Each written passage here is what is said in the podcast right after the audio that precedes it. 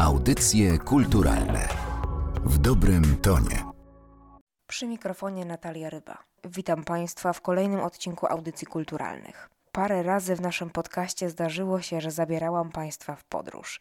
Tym razem będzie podobnie. Krzysztof Story w tę podróż zabierze nas dzięki swojej książce. Stąd 150 drzwi pod jednym adresem. Zapraszam.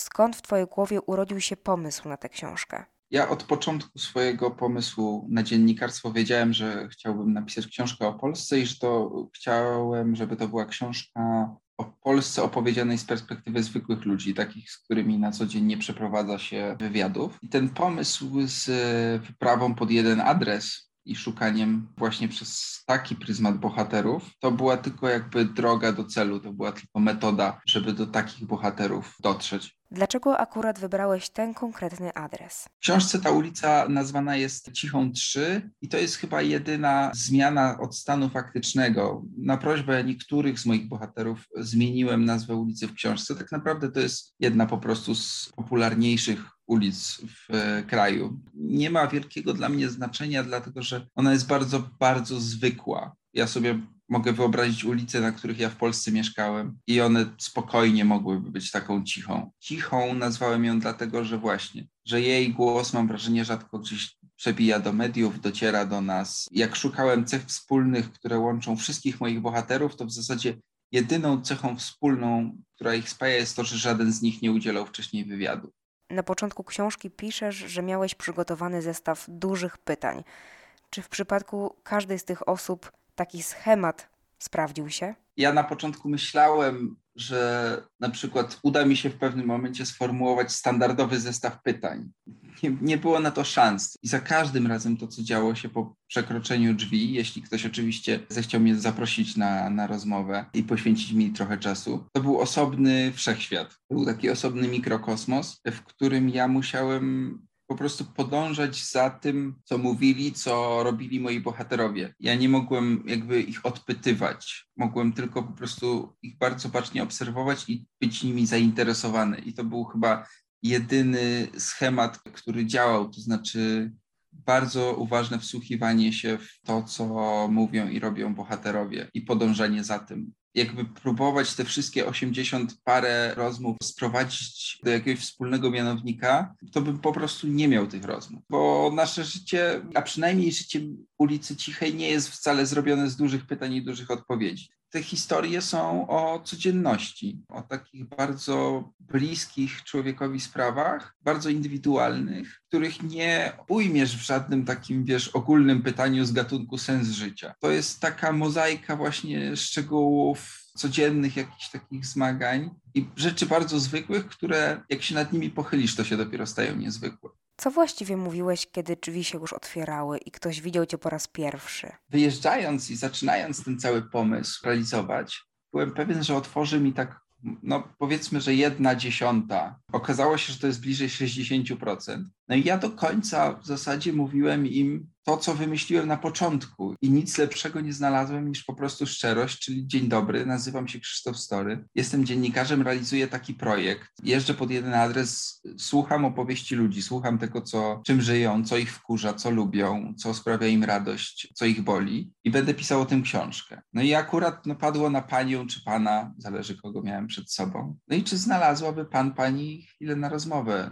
Może wypijemy herbatę. Na tą herbatę się potrafiłem wprosić, albo kawę. I to działało. Ja nie wiem, czemu to działało. Do dzisiaj się nad tym zastanawiam, bo to nie jest jakaś przemyślna strategia. Może po prostu jesteśmy gościnnymi ludźmi i otwartymi. To jest dość rewolucyjny wniosek, ale chyba tak po prostu jest. Coś, co się często powtarzało podczas tych rozmów, znaczy, że na przykład po paru godzinach rozmowy ten czy inny bohater mówi, że w zasadzie nie wie, po, dlaczego on mnie wpuścił do tego domu.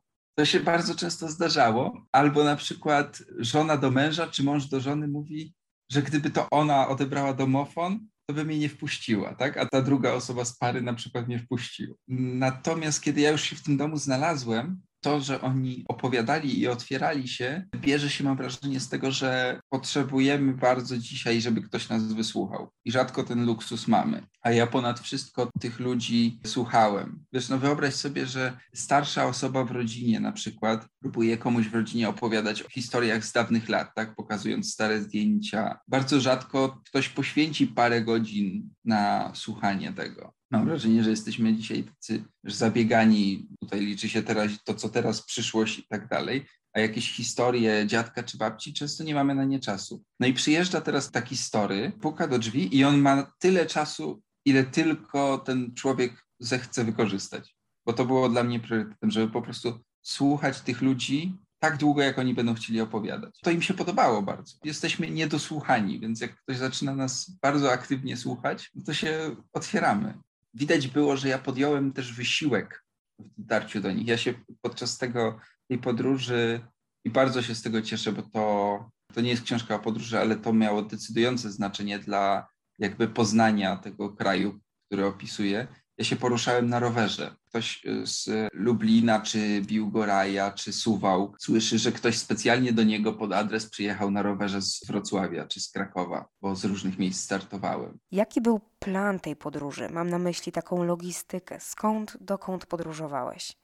Zaczęło się od takiej pierwszej długiej podróży. Ona trwała ponad dwa miesiące. Kilka tysięcy kilometrów przeżyły ze mną moje e, opony i rama mojego roweru. To był początek. Tamtą podróż zacząłem z Wrocławia, skończyłem w Pacanowie. Po drodze było wszystkie 16 województw. Mapa tej podróży wygląda jak taki po prostu wielki bohomas przez całą Polskę, jak sobie spojrzeć dzisiaj na mapę. A potem było wiele takich mniejszych, większych wyjazdów i ja też na cichą wracałem przy okazji, wiesz, przy okazji pracy nad innymi tekstami przy okazji różnych podróży, wystąpień. Przez cztery lata wpadałem na tą cichą w różnych miejscach tak często jak mogłem. Na końcu urodziła się z tego, mam wrażenie, że kompletna opowieść. Z jednej strony chciałabym, żebyś powiedział, co w tym projekcie było najtrudniejsze, a co Cię najbardziej zaskoczyło? Najbardziej zaskoczyło mnie to, jak intymnymi i często takimi głębokimi sprawami ludzie się otwierali, a nie to, że było ich wielu. A najtrudniejsze utrzymanie skupienia na tych historiach, bo czasami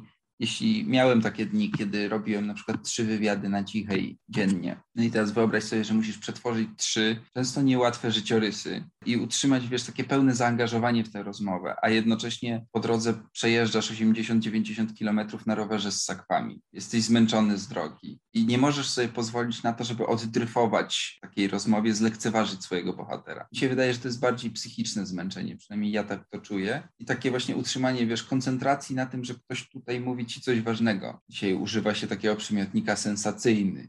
Ja to nie do końca lubię, ale niektóre historie są bogatsze w wydarzenia, inne mniej. Ja szukałem takiej statystycznej polskiej codzienności, na czym ona tak naprawdę polega. Więc siłą rzeczy wystawiałem się na takie historie, jakby to powiedzieć, zwykłe. Jak ja bym miał opowiedzieć komuś swoją historię, jakby ktoś przyjechał do mnie z takim projektem, to też wyszłoby bardzo zwykło, mam wrażenie. Zawiedziony byłem wtedy, kiedy mi odmawiali, kiedy nic się nie dowiedziałem. Miałeś takie sytuacje, że znajdowałeś się już na tej ulicy i pukałeś pod inny numer? Nie. Pod inny numer na tej samej ulicy pukałem tylko wtedy, kiedy trójki nie było, co się czasami zdarza, bo czasami zdarza się na przykład, że są tylko parzyste numery na ulicy. Wtedy szedłem pod dwójkę, ale to zawsze była tylko jedna próba. To znaczy nie było tak, że przechodziłem całą ulicę i szukałem, a może ktoś mi się zgodzi. Czy którąś z historii zapamiętałeś najwyraźniej? Panią e, Basię Spacanowa, właścicielkę kubka, który jest na okładce e, książki. To myślę, że to było jedno z najcieplejszych spotkań. Taka właśnie domowość i bliskość tego spotkania, to mi utkwiło w głowie i to było też ostatnie spotkanie tamtej pierwszej długiej podróży. Ono było taką czystą radością z tego, że coś tu się udało zrobić, że te spotkania mi naprawdę dużo dały, więc ono mi bardzo szczególnie utkwiło w głowie. Po tej podróży, czy jesteś w stanie powiedzieć, jaka jest Polska? Najprostszą odpowiedzią będzie bardzo różna spędziłem bardzo dużo czasu myśląc o tym i szukając jakichś wspólnych mianowników i nie ma za wiele. Kolejną może wspólną cechą łączącą wszystkich moich bohaterów jest to, że wszyscy mieli meble z Ikei w domu. Mam wrażenie, że jesteśmy kreatywni bardzo, że nawet jak nam czegoś brakuje, nawet jak coś jest takie trochę prowizoryczne, trochę działa nie tak jak powinno, to my nie panikujemy, nie stresujemy się, tylko po prostu jakoś tak ogarniamy te wszystkie swoje braki. Powiedziałem ogarniamy. Zobacz, że tego słowa nie ma w żadnym innym języku prawie na świecie. To jest nasza taka fajna cecha. Moim zdaniem pozytywna. My sobie zawsze poradzimy, nawet jak to nie będzie wyglądało tak glamour. Zamknąłem w tej książce coś ważnego z perspektywy też pracy dziennikarza, który najczęściej zajmuje się jednak pisaniem o problemach, o tym, że coś się dzieje źle, o tym, że coś poszło nie tak. Zamknąłem w tej książce taki kawałek tego, że ja ten kraj bardzo lubię. I mam wrażenie, że udało mi się to opisać i z tego jestem bardzo szczęśliwy. Dlaczego tę książkę w Twoim odczuciu warto przeczytać? Bo to jest książka, z której można się dowiedzieć, że w Polsce jest parę rzeczy, które warto kochać i lubić. Zobaczyć, że są w tej kraju rzeczy i ludzie, przede wszystkim ludzie, na których warto patrzeć życzliwie. Dziękuję Ci za rozmowę. Państwa zachęcam do sięgnięcia po lekturę. Do usłyszenia. Audycje kulturalne w dobrym tonie.